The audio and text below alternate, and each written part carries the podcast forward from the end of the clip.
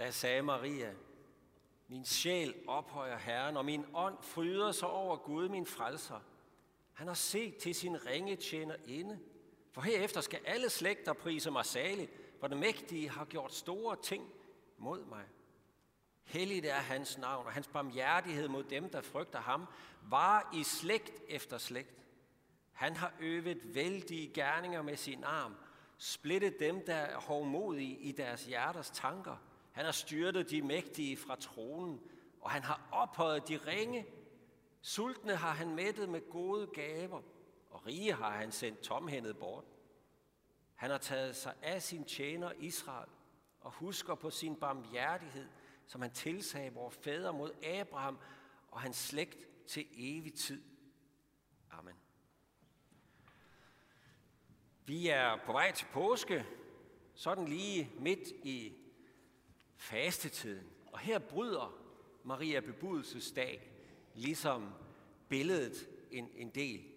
Selvfølgelig er det jo meget passende, at vi lige på den her dag, sådan cirka ni måneder før jul, øh, skal høre om Maria bebudelse, om det her lille barn, som hun fik at vide, at hun skulle føde. Det er jo meget passende sådan lige ni måneder før vi skal fejre Jesu fødselsdag. Men Maria bebudelsesdag har også en anden funktion her i kirkeåret, for det minder os om, hvem det er, vi skal være samlet om her i påsken. Hvem er det? Ham der Jesus. Hvis ham, der hang der på korset, bare er Marias barn, og ikke mere end det, så er det jo i virkeligheden begrænset, hvad øh, påsken har at bidrage med. Så var han bare et almindeligt menneske, der ligesom så mange andre led en uretfærdig død.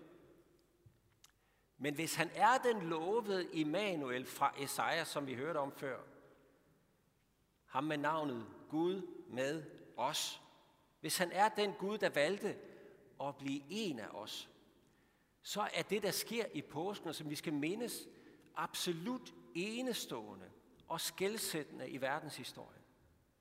Så er der sat et stort kryds lige midt i verdenshistorien. Ja, for så var det jo Guds søn, Gud selv, der hang på det der kors. Og så var det Gud selv, der tog os igennem døden og graven med sig ud på den anden side påskedag.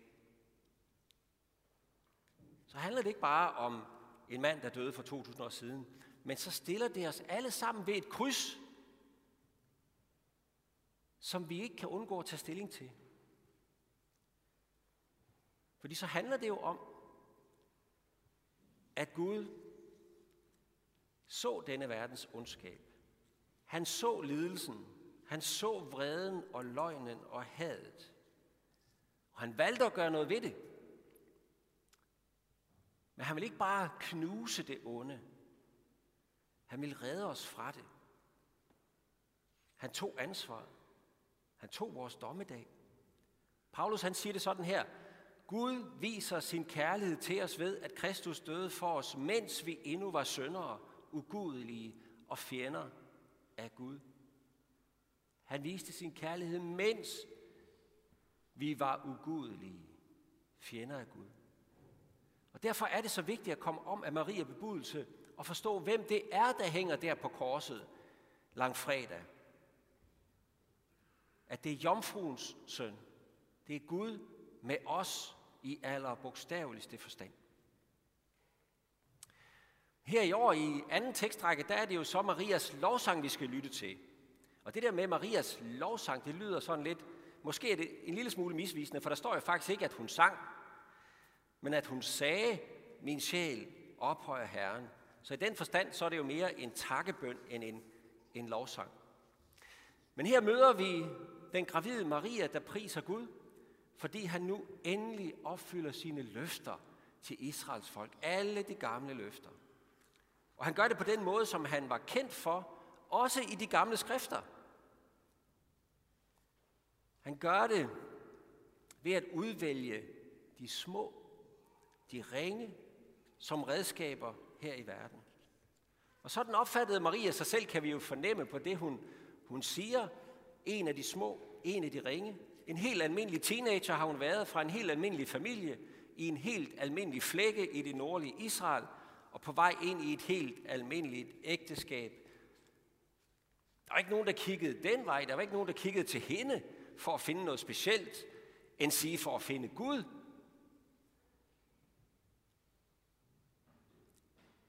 Men Gud kommer ikke med lyn og torden i tvingende storhed og magt.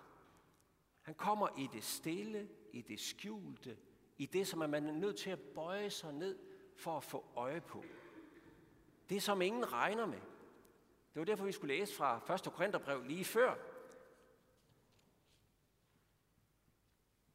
Om det ringe, som Gud har udvalgt. Maria, hun kendte også det her fra skrifterne, fra det gamle testamente. Hun kendte det garanteret fra sin samtids salmebog.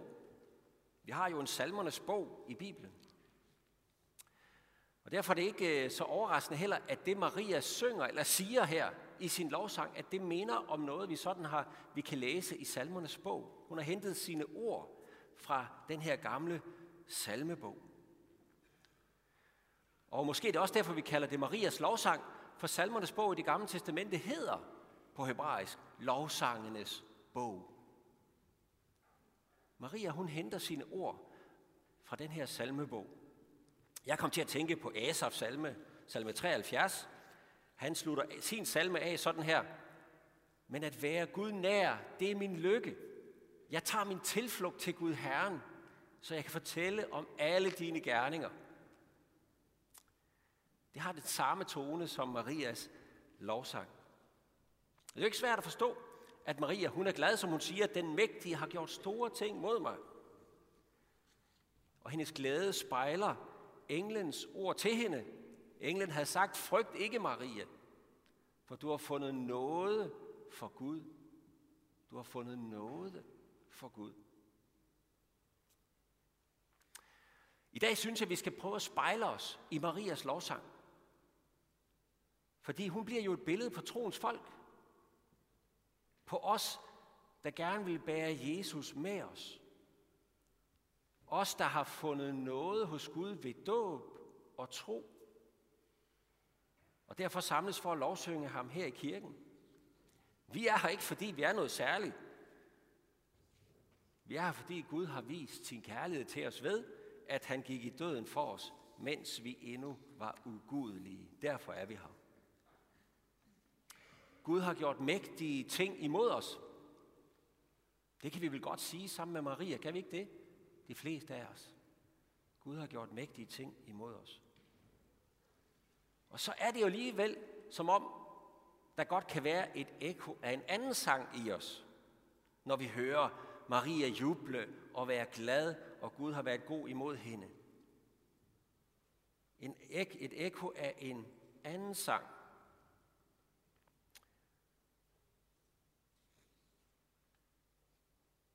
Hvorfor var Gud ikke mægtig mod mig, da jeg blev ramt af det og det? Hvor var Gud henne? Og så videre. Nogle gange synes vi, de mægtige ting, vi ønskede Gud skulle gøre for os, de udeblev. Som om han ikke havde set til os i noget, som om han slet ikke havde set os i virkeligheden. Og derfor synes jeg, det giver god mening i dag at blive hængende lidt ved Marias videre liv efter hendes sang her. Englen havde sagt, frygt ikke. Gud havde set hende, Gud havde udvalgt hende. Så skulle man jo tro, at nu var der grøn bølge. Ikke? Grønt lys hele vejen. Hvis Gud har sat sit stempel på en, så må der da være grønt lys, ikke? Sådan tænker vi jo. Maria, hun er tættere på Gud, end nogen anden nogensinde har været, fordi hun har båret ham under sit hjerte. Hun var Guds mor. Og hun sagde, alle slægter skal prise mig salig. Men når vi så læser den videre historie, så blev Marias vej fremover alligevel ganske alvorlig knuppet, for nu at sige det mildt. Prøv lige at spejle jer i hendes skæbne. Ja, først så var der jo hendes forlovedes reaktion da han fik at vide, at hun var blevet gravid med Helligånden. Den troede han ikke lige på i første omgang. Hun måtte bære hans forkastelse i første ombæring. Der skulle en drøm til, før at han forstod, at der var noget på færre her, som ikke var urent, men som var rent. Så var der sladeren fra alle omkring hende, ikke? Altså den der unge pige, altså gravid uden for ægteskab. Hvad for noget? Så var der fødslen. Den foregik ikke just på et gudehospital passende til universets skaber, for nu at sige det sådan. Der var ikke engang plads. Så var der flugten med det lille barn til et fremmed land, til livet som flygtning i to år i Ægypten, fordi kong Herodes ville slå barnet ihjel. Angsten, frygten, ensomheden, følelsen af, at man er hadet, og man er livsfare. Så var der Jesu virke som voksen, der ikke blev som forventet. Der var modstand fra de religiøse autoriteter, dem der skulle stå på, på Guds side, side, så at sige, var efter ham. Og Jesu egne søskende kunne ikke rigtig øh, finde ud af at, at tro på Jesus. De følte, at han bragte skam over familien. Det har ikke været sjovt for Maria at se på. Der var splittelse og misundelse. Og så gik det præcis, som den gamle Simeon havde sagt til Maria, da Jesus var spæd. Han sagde sådan her, se, dette barn er bestemt til fald og oprejsning for mange i Israel, og til at være et tegn, som modsiges. Ja, også din egen sjæl skal et svær gennemtrænge, sagde han til Maria. Et svær skal gennemtrænge din sjæl. Og sådan må det jo have været, da hun stod der cirka 30 år senere, knust efter at have set sin søn, der havde alle de gode løfter, pisket, pin, tortureret og hængt på et kors. Hvordan hænger det sammen? Maria var blevet udvalgt, og hvordan hænger den her historie så sammen? Og hvorfor sker den slags ting for os selv?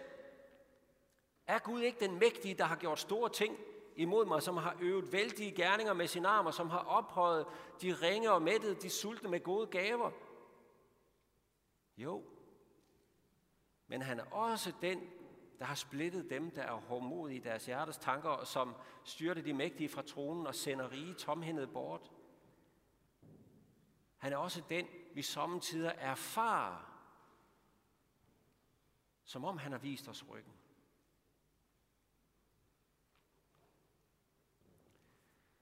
At leve Gud nær er min lykke, sagde Asaf. Men vi har også erfaringer, der ikke er lykkelige med Gud. Det har vi alle sammen. Vi har erfaringer med ham, som gør det svært og nærmest umuligt at gentage Marias lovsang og være jublende glad. Hvad gør vi, når vi oplever den her side af Gud, vi føler, han ikke er der? Når vi, ikke, når vi ikke synes, han lever op til den arbejdsbeskrivelse, vi har givet ham. Når han ikke sørger for, at vi har grønt lys hele vejen. Når vi støder ind i rødt lys. Hvad gør vi? Fyrer vi ham? Kan vi det? Sygehuspræsten Preben Kok fra Vejle, han blev landskendt for at opfordre mennesker til at fyre Gud. Det har han selv gjort en gang, da han som ung blev alvorligt syg. Så bad han til Gud, eller rettere, han råbte, hvis det er sådan, du behandler mennesker, Gud, så er vi to færdige med hinanden. Hvis det skal være på den måde, at du løfter folk op, så kan det være nok for mig. Sådan råbte han til Gud, og alligevel havde han en erfaring af, at Gud ikke forsvandt. En oplevelse af, at Gud blev hængende. Så fyrede han Gud en gang til. Men han havde fyret Gud en to-tre gange, og stadigvæk oplevede, at Gud alligevel var der og ønskede ham. Så blev det for ham en bevægelse ind i den kristne tro. Når Preben Kok kan opfordre den lidende til at fyre Gud, så er det ikke en opfordring til at smække med kirkedøren og, kirkedøren og vende Gud ryggen, men så er det en opfordring til at vende sit ansigt mod Gud og konfrontere ham. til at vende front mod ham, til at tage snakken med ham. Og det er faktisk lige præcis det, Bibelen opfordrer os til, når vi oplever, at Gud ligesom ikke er der. Bibelen opfordrer os til at udøse vort hjerte for Herren. At vise ham den tillid, at vi går til ham med vores skuffelse, med vores klage, med vores vrede. Det er ikke vantroens reaktion, det er troens reaktion. Salmernes bog i det gamle testamente, den som Maria så tydeligt kendte og næsten citerer fra, den hedder Lovsangenes bog, sagde jeg lige før. Lovsangenes bog. Og det er faktisk overraskende, hvis man kigger de der salmer igennem. Dem af jer, der har læst salmernes bog, de vil være enige med mig i, at det kan godt være lidt overraskende, at den hedder lovsang. Hvorfor hedder den egentlig ikke klagesangene? Det vil passe lige så godt til den bog. Klagesangene. Gud, hvorfor sover du? siger salmisten. Hvor er du? Hvor længe skal jeg ligge her på mit sygeleje og visne hen? Hvor længe vil du lade de onde hovere over mig og ydmyge mig, og de, det, det, det hele det går ned ad bakke, Gud, hvor er du? Sådan er det i salme efter salme. Sig mig, fyrer de ikke Gud på blank papir der i salmernes bog? Igen og igen? Jo, det gør de. Men de kommer til ham med det. Ham, der ser deres vrede og skuffelse alligevel. Og på den måde viser de ham tillid. De viser, at han er vores gode far, der bliver hos os. Også når vi fyrer ham. Også når vi skælder ud. Selv når vores ugudelighed viser tænder. Så åbner vi det for ham. Og sådan hører klagesangen ind under overskriften Lovsangenes bog. For vi ærer Gud som Gud, når vi lader ham være Gud, og erkender, at vi er mennesker, der har brug for ham. Når vi viser ham det, der bor i os, det som han alligevel ser. Prøv en gang at tænke på, at Gud han har givet et hvert menneskes klagesang plads i den bog i Bibelen, det hedder Lovsangenes bog. Der har han sat din klage ind og givet den plads. Lovsangenes bog. Fyr du mig nu, bare når det er sådan, du har det. Hvis det er sådan, du har det. Når man får øje på det, så falder skuldrene ligesom ned. Gud har set os jo. Han har givet os plads i sin bog. Og så kan vi stille os sammen med Maria neden for korset, hvor hendes søn hang, tortureret og pint og døende. Vi kan stille os sammen med hende lige midt i smerten, og så kan vi vide det, som hun ikke vidste endnu dengang. At det, vi ikke kan bære, det bar han netop der på korset. Der hænger din Gud. Der hænger din Gud. Han gik ind i din lidelse. Han tog forbandelsen ud af den og ensomheden ud af den. Han delte den med dig, så du aldrig nogensinde kan komme derud, hvor Gud ikke har været først. Aldrig kan du komme derud, hvor Gud ikke har været først. Her er al stolthed pillet ned. Her bliver den ringe løftet op. Her handler Gud med magt, men han gør det på en måde, der er skjult. En måde, man må bøje sig ned for at få øje på. En måde, der ligner nederlag. For her er Gud selv ydmyget. En lidelsernes mand. Men her har han på ultimativ måde stillet sig på din og min side for at tage os igennem lidelsen, døden og dommedag og med ud til opstandelsen på den anden side. Han har besøgt sit folk. Han har taget sig af sin tjener Israel og husker på sin barmhjertighed. Korset og den tomme grav, det er vores garanti. Han har set til os i noget. Han har gjort mægtige ting mod os. Og derfor så kan vi prise Gud sammen med Maria, også midt i ydmygelsen og lidelsen. For at være Gud nær er min lykke. Også når det gør ondt. Det er min lykke. De her ord, det var de sidste ord i Asafs salme, som jeg nævnte før. Det er de sidste ord i en lang salme, hvor Asaf kæmper med lidelsens problem, og det problem, at han selv led i sit liv. Hvor er den retfærdige Gud? Han havde forsøgt at fyre Gud lige midt i sin bitterhed. Men Gud lod sig ikke fyre, og Asaf lander i Guds arme sådan her. Dengang mit hjerte var bittert, og det nagede mig i mit indre, var jeg et uforstandigt fæ. En stud var jeg over for dig, men nu er jeg altid hos dig. Min højre hånd holder du fast. Du leder mig med dit råd. Du fører mig til herlighed. Og hvem har jeg i himlen, og har jeg bare dig, så ønsker jeg intet på jorden. Om end min krop og mit hjerte forgår, så er Gud for evigt mit hjertes klippe og min lod. At være Gud nær er min lykke. Jeg tager min tilflugt til Gud Herren, så jeg kan fortælle om alle dine gerninger. Lov og tak og evig ære være dig, vor Gud, Fader, Søn og Helligånd, du som var, er og bliver en sand treenig Gud, højlovet fra første begyndelse, nu og i al evighed. Amen. Så skal vi rejse os og tilønske hinanden. Vor Herres Jesu Kristi nåde, Guds, og Fars kærlighed og Helligåndens fællesskab være med os alle. Amen.